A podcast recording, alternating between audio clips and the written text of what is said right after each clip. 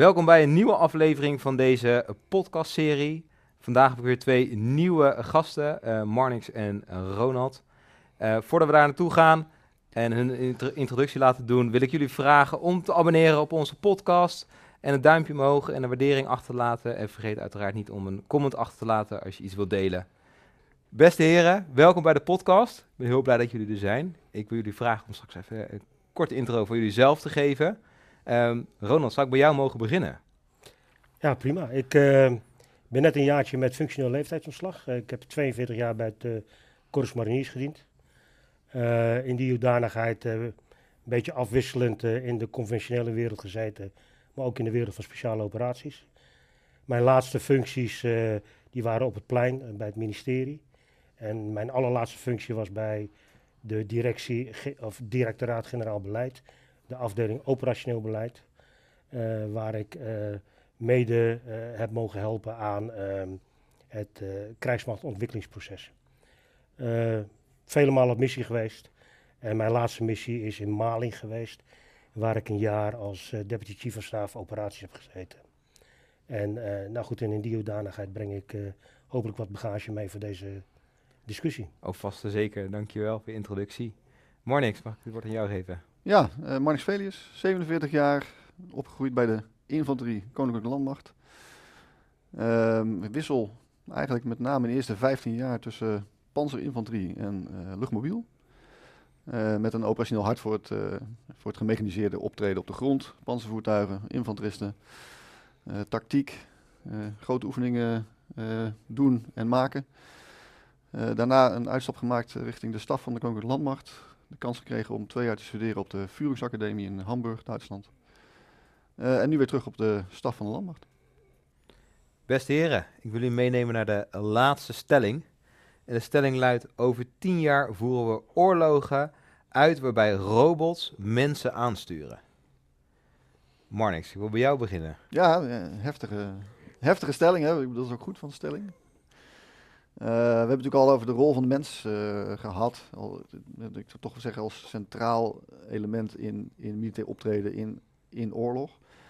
Ik denk wel als je naar de toekomst kijkt, dan kun je niet anders dan, dan, dan zien dat robotisering, of in ieder geval technologie, uh, steeds grotere rol gaat aannemen. We zoeken oplossingen in onbemande systemen. Um, we hebben het al kort gehad over artificial intelligence, hè, waarbij ik toch zie dat je, ik zou bijna zeggen, het saaie uh, lopende bandwerk aan denkwerk. Dan moeten we kijken of we, hoeveel daarvan we aan artificial intelligence kunnen geven. Ja. Maar als je het, zodra, hè, zodra we gaan aansturen, leiding geven, uh, wat complexere besluiten gaan nemen, dan kom je toch weer uit, denk ik, uh, bij de mens. Dus het, het besluit, uh, ik zie iets, wat is het? Kan AI, heel mooi. Ja. Het besluit, wat doe ik ermee? Uh, blijft denk ik toch uh, een, een, een, actie die bij de mens blijft liggen. En ik, wat ik wel zie is dat als je alle technologie, en of het een robotisering is, soms zijn het nog filmpjes, soms zijn het zelfs nog maar tekenfilmpjes, maar je ziet iets wat iemand bedacht heeft en je denkt van ja, dat is, dat is denk ik wel mogelijk in de toekomst. Er landen in één keer honderd dingen uit een vliegtuig en die gaan ergens staan en dat zijn in één keer rijdende antitankwapens of ja, dat soort dingen gaan allemaal ongetwijfeld wel komen. Dus ik denk wel dat het de, de, de toekomst uh, alleen maar enger wordt. Als je, hebt, als je als individuele militair kijkt naar wat voor dreigingen allemaal zijn. Maar de aansturing, de, stem in je oren of achter je, blijft denk ik toch een mens. Die ook begrijpt wat de mens voorin uh, meemaakt. Ja, ik vind het ook een, uh, best wel een prikkelende stelling. Ook al lijkt die heel eenvoudig. Maar als je er goed over na gaat denken, dan zitten daar best wel wat, uh, ja, wat haakjes aan die stelling waarvan je denkt van, ja, who knows. Hè? Uh, kijk, in het begin heb ik ook al aangegeven, als je praat over de manier waarop je met technologie omgaat, hè? on the loop, in de loop en off the loop. Hè? Uh, off the loop wilde zeggen inderdaad dat je helemaal zeg maar, het systeem zelf aan het werk laat gaan. Ja. Je hebt helemaal geen invloed meer. Maar wat jij nu met deze stelling nu naar voren brengt, is eigenlijk uh, by the loop. Dat is een vierde eigenlijk. He, dus de, de loop doet het. En, je, en vervolgens via die loop word jij uh, aangestuurd. Ja. Ja, Dus, dus, dat is best wel een hele interessante. is dat mogelijk? Gaan, gaan we die kant op? Ik kan me wel voorstellen dat ook daar weer het afhankelijk is van over welk niveau je praat. Hè? Zeker ook als de tegenpartij eh, iets doet met eh, deze manier van optreden. Want hun zal het in principe zorg zijn of ze wel of niet uh, collateral damage veroorzaken, wat dan ook. Het gaat om chaos creëren, beïnvloeden op een bepaalde manier. En noem maar op anders dan dat wij als, als Westen zouden doen. Dus in dat verband zou ik, zou ik het wel kunnen, kunnen zien. alleen, ehm, wat daarbij gebeurt is dan dat die manier van optreden jou beïnvloedt in de manier waarop jij uh, al dan niet tot besluiten moet gaan komen. Want het is een hele andere manier van optreden van de tegenpartij waar je iets mee moet doen. Ja. En dat gaat jou beïnvloeden in jouw manier van denken. Ehm, want je praat niet over beïnvloeden van mensen bij de tegenpartij, maar je zit met robots te vechten, ja. wij spreken. Nou, gaat het aan onze kant op die manier dan ook zo spelen dat wij dan de robots tegen de robots laten vechten en dat onze robot mij gaat vertellen wat ik moet gaan doen? Nee, dan ben ik het wel met Marnix eens. Op dit moment in ieder geval niet. het is nog altijd een mens die bij ons in het systeem blijft zitten. Om zeker op uh, hogere niveaus uh, zelf te bepalen wat we aan het doen zijn. En dat niet door robots te laten vertellen. We gaan wel technologie gebruiken om ons te ondersteunen in die besluitvorming. Dat gebeurt wel steeds meer en meer. Maar ik kan me wel voorstellen, bijvoorbeeld in, als je nou in oorlog bent en je bent aan het strijden tegen de tegenstander wij als mensen hebben natuurlijk best wel veel emoties en, en ervaringen die meespelen en uh, dat soort dingen. En daardoor wel een bepaald soort beslissing gaan nemen, waar een robot heel, misschien wel heel rationaal, uh, rationeel gewoon is. Ja, Dit is dan, de beste weg. Maar dan krijg je uiteindelijk actie-reactie. Als wij uh, robots iets laten doen en dat gaat bepaalde effecten sorteren, maar ook effecten die we misschien niet voorzien of niet willen, wat dan ook, dan zul jij weer als mens daarop moeten reageren, want je wilt dat beïnvloeden. Die, die hele handeling wil je beïnvloeden. Want uiteindelijk wil je wel de effecten sorteren die jij zelf zoekt. En als de handeling van de robot ons een andere kant op duwt, ja, dan zul je het weer moeten, moeten bijsturen. En zo blijf je continu bezig. Uh, maar dat is niet uh, dan dat de robot mij gaat aansturen. Nee. Maar dat is meer dat, zeg maar, dat de handeling van die robot mij dwingt om iets anders te doen. Ja. Laat, ik kwam laatst weer een keer voorbij. In de Koude Oorlog uh, was er op een gegeven moment een Russische officier. was een grote NATO-oefening was aan de gang. Um, en alle protocollen in Rusland zeiden op een moment: er worden nu nucleaire raketten op ons afgevuurd. We zien er nu uh, drie aankomen, geloof ik. Dat was alle protocollen in het, in het, in Russische zeiden dat. En als dus een robot of artificial intelligence op dat moment aan het stuur had gestaan, had hij dus op de knop gedrukt en had Rusland dus zijn raketten gelanceerd richting uh, Amerika en Europa. En het is alleen maar omdat daar een Russische, ik geloof een kolonel, in ieder geval een Russische officier zat, die dacht van ja, maar dit, klopt niet. Dit klopt niet. Het, is niet. het kan niet. Het kan niet waar zijn. Het kan niet waar zijn. En hij heeft het niet gedaan. Is, het, is daarvoor nog gestraft uh, ook natuurlijk. Hè, dat hij niet het protocol heeft gevolgd. Maar anders hadden we dus nu in een nucleaire oorlog uh, een after scenario gezeten. Hè, dus de menselijke gut feeling, iets in de besluitvorming houden is denk ik niet verkeerd als het over zulke grote, verregaande besluiten gaat. Ik denk wel als je uh, robots überhaupt, dan kom je toch ook vaak uit bij gewoon onbemande systemen. Ja. En ik, we moeten heel goed elke keer de vraag stellen, oké, maar hoe onbemand is het eigenlijk wat we hier nu aan het doen zijn? want veel onbemande systemen worden nog steeds gestuurd. Soms zit, er daar een, zit daar een team achter van wel 10, 20, 40 mensen om een onbemand systeem, bij spreken, ja. aan te sturen dus dat is niet in echt onbemand, zullen we maar zeggen. En als je kijkt op het land, uh, er wordt heel veel geëxperimenteerd. En dat moet ook vooral doen, want ja, je, wil een soort edge hebben met, nieuwe systemen. Alleen, uh, de oorlog is, duurt vaak vrij lang. Dus die systemen moeten in stand worden gehouden. Dus nou rijdt zo'n systeem door het bos, in de kou, door de modder, gaat vechten. Uh, ja, wie onderhoudt het? Wie doet de munitie herladen? Wie camoufleert het systeem af als die toch even ergens, ergens moet verblijven? Er zijn heel veel problemen die je moet oplossen om tot een echt... Kijk, vijf minuten onbemand, kan, dat is zo geregeld. Maar uh, twee dagen onbemand wordt al vrij complex om dat zeg maar, in stand te houden, om dat vol te houden. Uh, dus we moeten nog wel, we, zijn, we hebben echt nog wel een hele weg te gaan voordat we dat ook echt kunnen uitvoeren. Met, en dat is, en als we over tien jaar vooruit kijken en we technologie, Onbemande systemen, ze hebben zich nog steeds niet bewezen op het land. We zien iets aankomen, we zien dat iets kan gebeuren. Ik denk dat er heel veel mogelijk is in de ondersteuning. Uh, geneeskundige afvoer, logistieke opvoer. Ja, dan is het net even iets minder erg als een, als een voertuig wordt afgeschoten en hij was toch onbemand. Ja, dan komt de munitie op dat moment even niet aan. Ehm, maar we moeten oppassen met er te grote afhankelijkheden aangeven op voorhand. En we moeten ook accepteren dat het misschien hè, de geplande innovatie over tien jaar ja, misschien niet, niet lukt. Ja. Dat is ook met innovatie zo. Het meeste lukt niet met innovatie, hè, met technologische ontwikkeling. Het meeste komt niet uit. Eh, dus je moet heel goed blijven aanpassen aan wat er daadwerkelijk uit de testen eh, blijft komen. En accepteren dat keer misschien toch een andere kant op moet. Ja, en wij laten in het Westen zeker, hè, laten wij natuurlijk al die technologische mogelijkheden, laten wij natuurlijk niet zomaar onbeperkt doorgaan. Hè? Nee. Want wij hebben natuurlijk onze eigen ethische morele waarden, die uiteindelijk eh, ja, wellicht beperkend op zullen treden voor, voor dit soort ontwikkelingen. Eh, maar uiteindelijk moet er ook eh, wet en regelgeving komen, hè, breed, om te kunnen bepalen hoe ver we gaan met dit soort activiteiten. Het vervelende is natuurlijk dat wij met tegenpartijen te maken hebben die zich daar niet van aantrekken.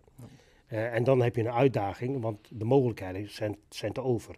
Alleen wij als Westen hè, hebben daar natuurlijk wel mee te maken. Ja.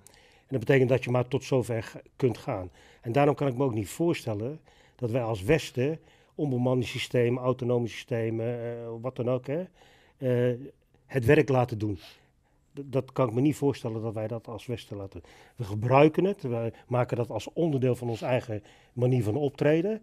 Maar we zullen het niet zelfstandig, zeg maar, eh, autonoom eh, allerlei activiteiten laten ontplooien. Nee. Eh, daar zijn wij ethisch en moreel, denk ik, niet voor, nee, voor gereed. Nee, je ziet natuurlijk al dat, dat de verschillende wetgevingen omtrent AI in Europa en Amerika of in andere landen, eh, delen van de wereld al heel anders zijn van elkaar. Maar AI is ook zo'n containerbegrip. Hè? AI in combinatie met anders, daar gaat het uiteindelijk om. Hè? Ja. Eh, daar, daar zou je heel goed over moeten nadenken eh, wat het nou precies betekent en hoe ver je daarin wilt gaan. De mogelijkheden ook daar zijn te over. Hè? Maar nogmaals, wij als Westen zijn daar best wel vrij kritisch op hoe ver we daarin willen gaan. Alleen net wat ik al zei, anderen denken er anders over Ja. en die gebruiken het op een andere manier. Er zit er nog een verschil in eh, welk onderdeel van defensie het is. Want ik kan me wel voorstellen dat op land misschien een autonoom systeem lastiger onderhouden is en, en, en ook eh, zich voort kan bewegen dan bijvoorbeeld misschien iets in wat in de lucht zit bijvoorbeeld. Of misschien wel... Ja. Zit daar ook nog... Kijken jullie daarnaar? Ja, nou, ik denk dat ook als je gewoon in de open bronnen volgt, eh, de oorlog in Oekraïne, dan zie je natuurlijk dat, nou, drones is het beste voorbeeld. eh, bemand, aangestuurd op afstand, onbemand. Nou ja, bemand, eh, drone nog niet zo. Ehm, dat, dat is makkelijker uiteindelijk te regelen natuurlijk, hè, door de lucht. En eh, uiteindelijk land je ergens of je gooit iets. Eh, en op zee zie je natuurlijk ook al de eerste succesvolle acties met drones op zee, onbemande voertuigen. die gewoon schepen tot zinken brengen. Eh, en je ziet wel de eerste onbemande systemen ook, hè, die, dus, die dus een mijn leggen bijvoorbeeld of zo. Die heb ik Ja. ook al eh, voorbij zien komen. Maar ik denk wel dat het in de dimensie lucht en de dimensie zee is, de, is een, een drone makkelijker in te zetten dan op het land. Ja. Nou ja, kijk, eh, als het doel is om eh, zoveel als mogelijk chaos te veroorzaken, eh, eh, doelen uit te schakelen, ja, wat is er dan makkelijker dan onbemande systemen te gebruiken? Die zijn relatief goedkoop. Als je dingen uit de lucht wordt geschoten, hey, so be it, weet je wel. Je hebt ja. geen eigen slachtoffers. Eh, en ze zijn gewoon heel makkelijk te verkrijgen. Door wie dan ook. Hè? Eh, Of het nou een staat is of een, of een terroristische groepering, het maakt allemaal niet uit. Of gewoon überhaupt kwaadwillende. Eh, dus wat dat betreft is voor hun heel simpel om op die manier hun, hun effecten te sorteren.